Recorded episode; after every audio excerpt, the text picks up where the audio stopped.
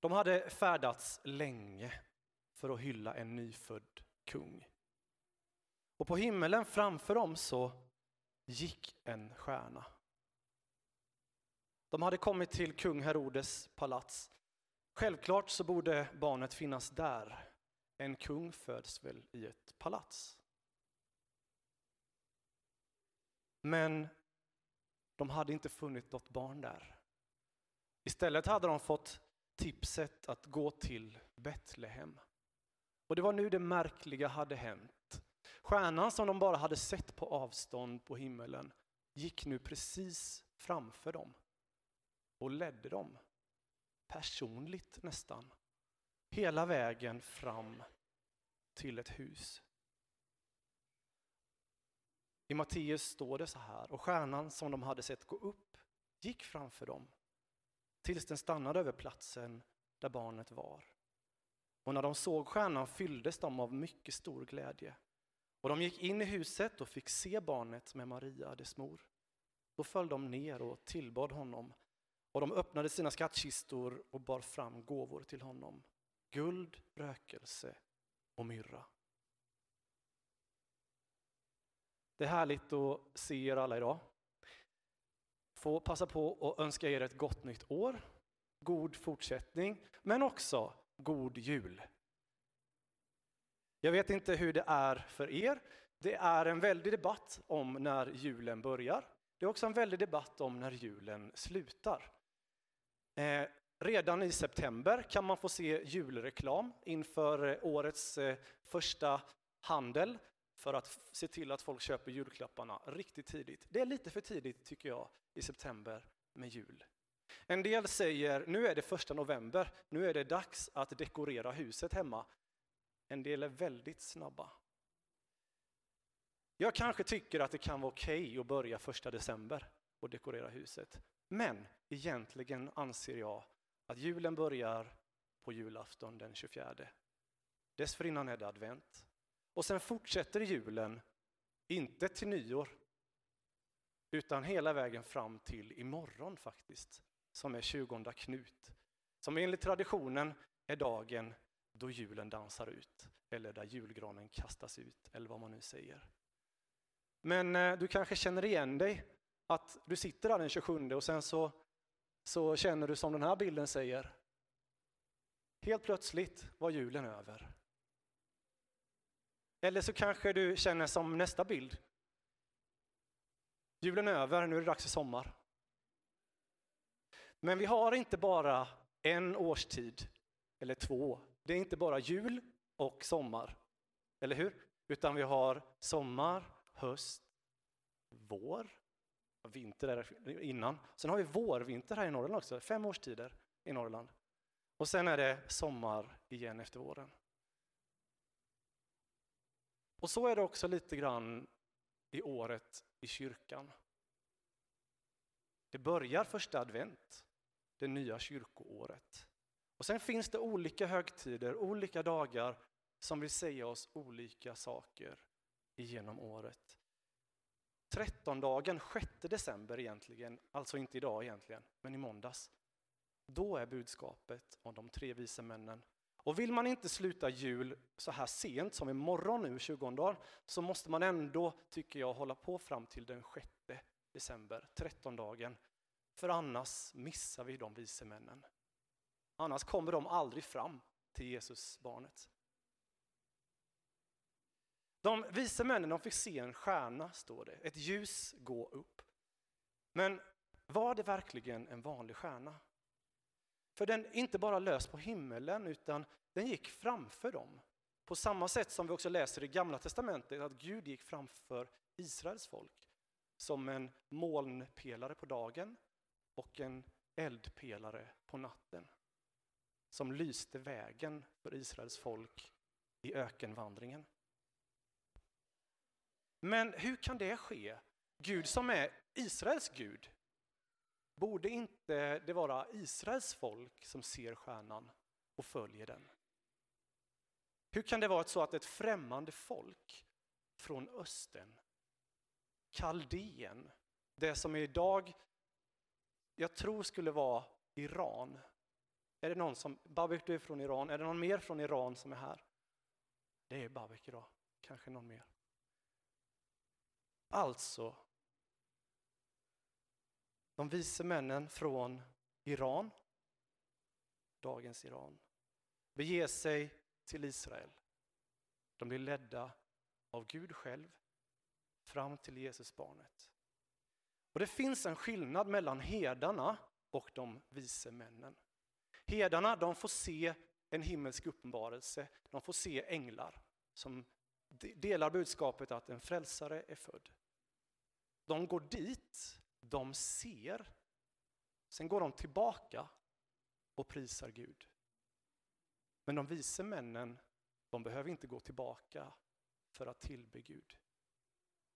De blir de första som faller ner och tillber Jesusbarnet som Gud, Messias. Det är Babek. Det var iranierna som hade det först. Nu vet du.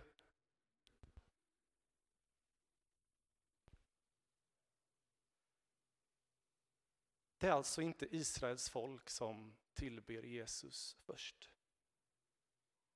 Istället är det ett folk som kallas, som vi också tillhör, hedna folken, det vill säga de som inte är Israels folk. Och vi ser här att profeten går i uppfyllelse. Det som var lovat genom Abraham att alla folk ska bli välsignade och som vi läser om i Jesaja kapitel 49. Jag hoppas texten kommer upp här bakom. Så häng med mig i Jesaja 49, vers 3-6, så ska vi läsa därifrån.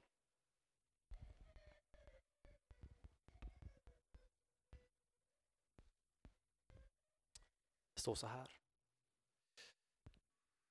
3-6 ska det vara. Han sa till mig, du är min tjänare Israel. Genom dig vill jag förhärliga mig. Men jag tänkte, förgäves har jag ansträngt mig, utan nytta förbrukat min kraft. Men min rätt är hos Herren och min lön hos min Gud.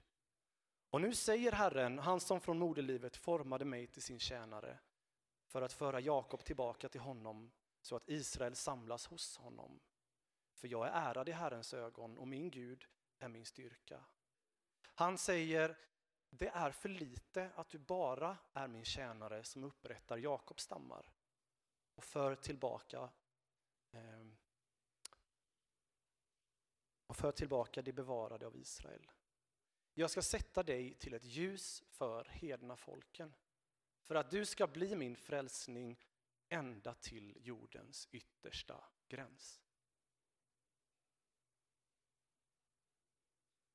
Den här texten i Jesaja 49, den är jätteviktig. Den är jätteviktig även idag. Och speciellt så är den viktig för landet Israel. I september 2017 så höll Benjamin Netanyahu, dagens premiärminister i Israel, ett tal inför FN. Där han sa så här, och citatet kommer här också på engelska. Så ni som, jag ska försöka översätta lite, ni som inte ens pratar engelska. Står det så här, As the prophet Isaiah said, I have made you a light unto the nations, bringing salvation to the ends of the earth. Alltså citatet som jag precis läste i Jesaja 49. Today, 2007 years after Isaiah spoke those prophetic words, Israel is becoming a rising power among the nations. And at long last, its light is shining across the continents, bringing hope and salvation to the ends of the earth. Benjamin Netanyahu. Så här ser alltså Israel på sin roll i världen. Det här är inte Benjamin Netanyahu, den första premiärministern, att säga. Det här är en berättelse som har varit Israels berättelse i alla tider. Att vara ett utvalt folk, ett ljus för nationerna.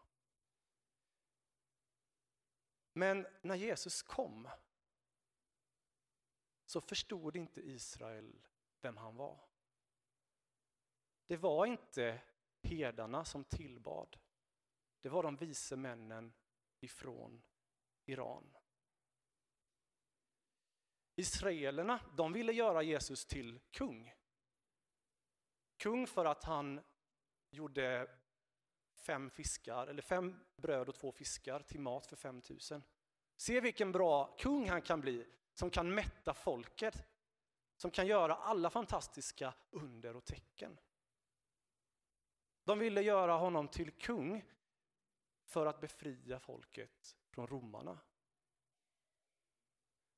Och på samma sätt så ser vi i det här citatet av Benjamin Netanyahu att frälsningen för Israel, det handlar om ett rike i den här världen. Humanitär stormakt, militär stormakt. Men i Bibeln ser vi om och om igen hur israelerna inte fattar. Däremot ser vi också på flera tillfällen hur folken omkring blir berörda. Den romerska officeren som får sin tjänare botad. En syrisk fenisk kvinna, ungefär från dagens Syrien, kusttrakterna i Syrien, får sin dotter befriad. Vi ser det i Gamla Testamentet och Jesus använder det för att provocera. Han säger att det var Naman som blev frisk. Han som också kom österifrån, ifrån babyloniska riket. Det fanns många spetälska på profetens tid, men den som blev frisk var inte ifrån Israel. Vi ser det i Jesu egna ord när han står inför rättegången att bli dödad. Och Pontus Pilatus frågar, är du kung? Jesus säger, du själv säger att jag är kung, men mitt rike är inte av denna världen. Det har alltid funnits en frestelse att upprätta det gudomliga riket på jorden. Och jag hör ofta böner om att Sverige ska få bli ett kristet land. Och det är lätt att förväxla en fin detalj. Det är en skillnad mellan att Sverige är ett kristet land och att människor i Sverige blir kristna. Vårt mål kan aldrig vara att göra Sverige till ett kristet land. Däremot att människor ska få bli kristna.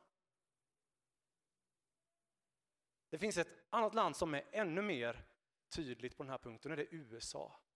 I USA är det jättevanligt att säga att det här är Guds land. God bless the USA. Men Guds rike är inte av denna världen.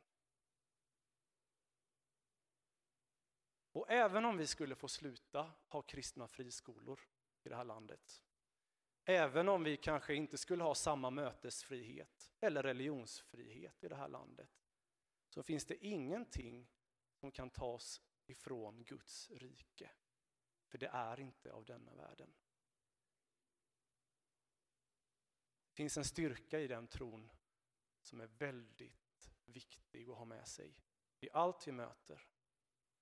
För om det skulle vara så att Guds rike var beroende av nationsgränser, då blir det också lätt så att allting som hotar den bilden blir farligt.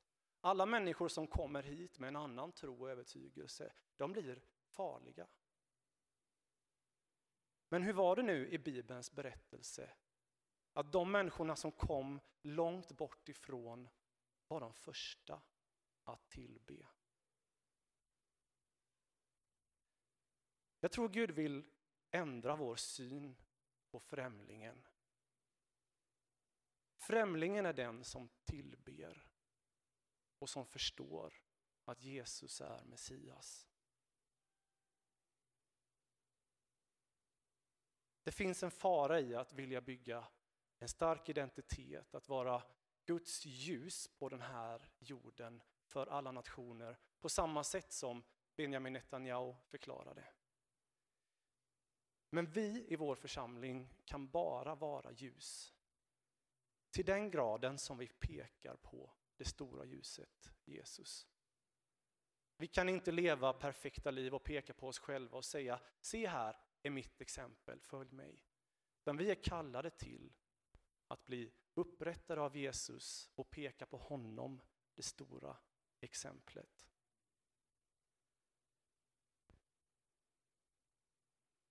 Jesus sa ändå, jag är världens ljus. Och sen sa han också, ni är världens ljus. Ett uppdrag som för lärjungarna var självklart, för Israel har ju alltid varit världens ljus, eller? Så ni som har hängt med förra året i predikningarna regelbundet i gudstjänsterna, ni vet att vi har haft tema ifrån Jesaja eh, är det 60. Stå upp och var ljus. Ett fantastiskt budskap. Och Jesus han har gett oss det uppdraget att vara ljus. Men inte för att vi är ljus i oss själva, utan för att han är ljus i oss.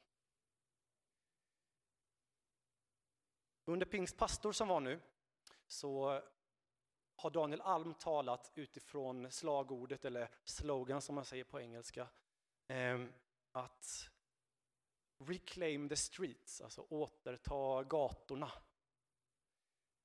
I ett land som eh, ser lite oroligheter, splittringar, eh, folk som demonstrerar till höger och vänster av de olika saker, om olika saker så är det också viktigt att vi som kyrka finns närvarande ute i samhället.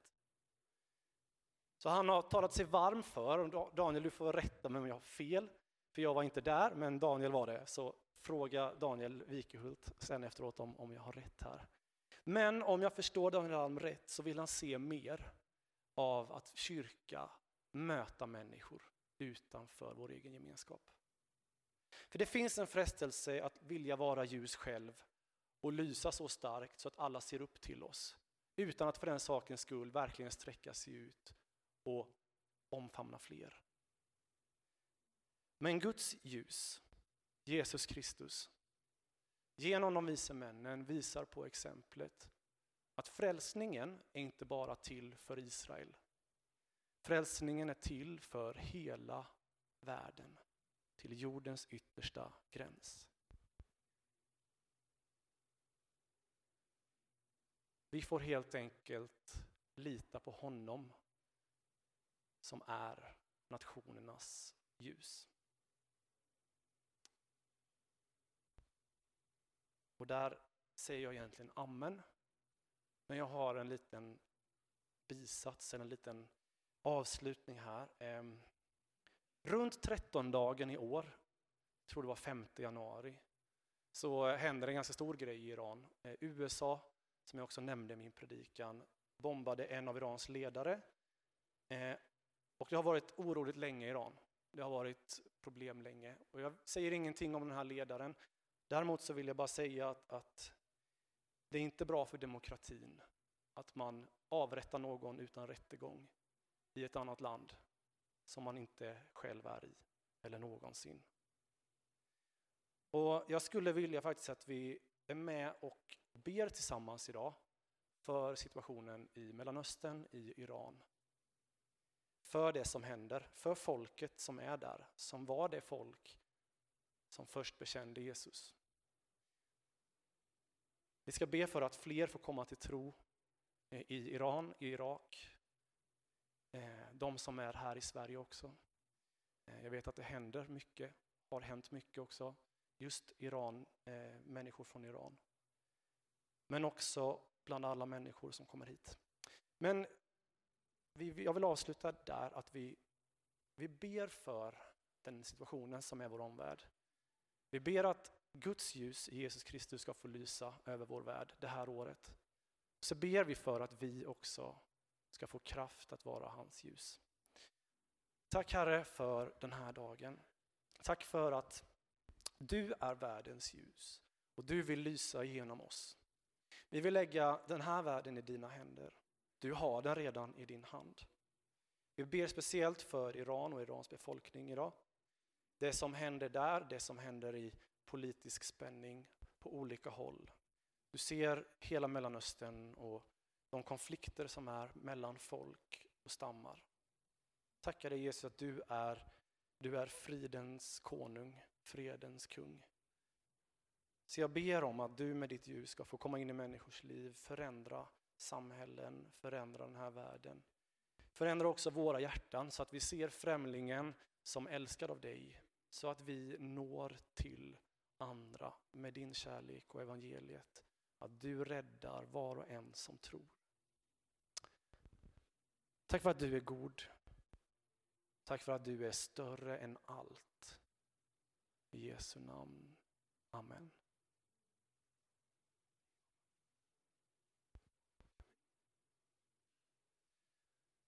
Vi kommer ha lovsång, tillbedjan, eh, möjlighet till förbön.